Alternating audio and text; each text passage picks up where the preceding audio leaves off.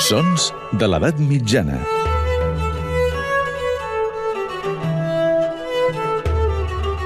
Amb Maria Montes.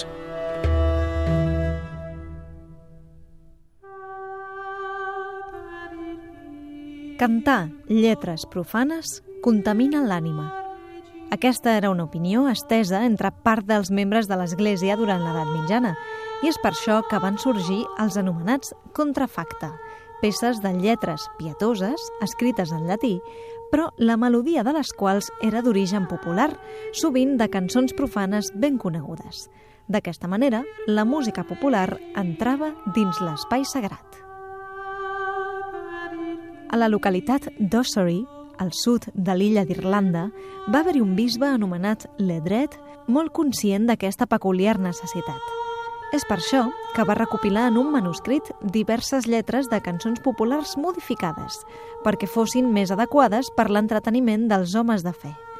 Així ho va fer constar el pròleg.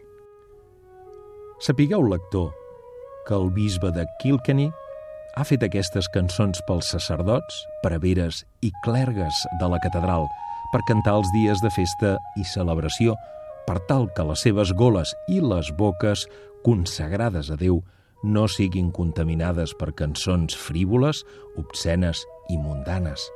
Així com són cantaires, es proveiran de melodies apropiades segons la necessitat dels textos. Aquest és el pròleg de l'anomenat Llibre Vermell d'Ossory, que recopila una seixantena d'aquests contrafacta, creats a partir de cançons populars angleses i franceses. Fins i tot, dins el manuscrit, es poden trobar paraules afegides al costat de les estrofes en llatí. Es tracta dels títols de les cançons originals. D'aquesta manera, podem saber els noms d'algunes d'aquestes cançons profanes, ben esteses i populars a finals del segle XIV.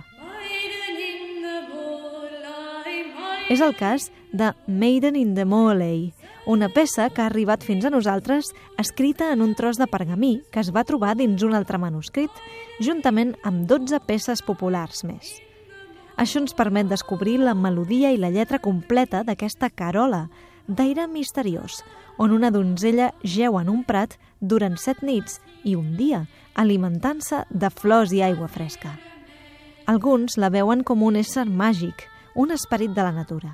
Sigui com sigui, aquesta donzella va ser prou popular perquè el bisbe Ledret decidís amagar la seva història sota paraules llatines pietoses, tot conservant-ne la melodia en un contrafactum més devot. Sons de l'edat mitjana.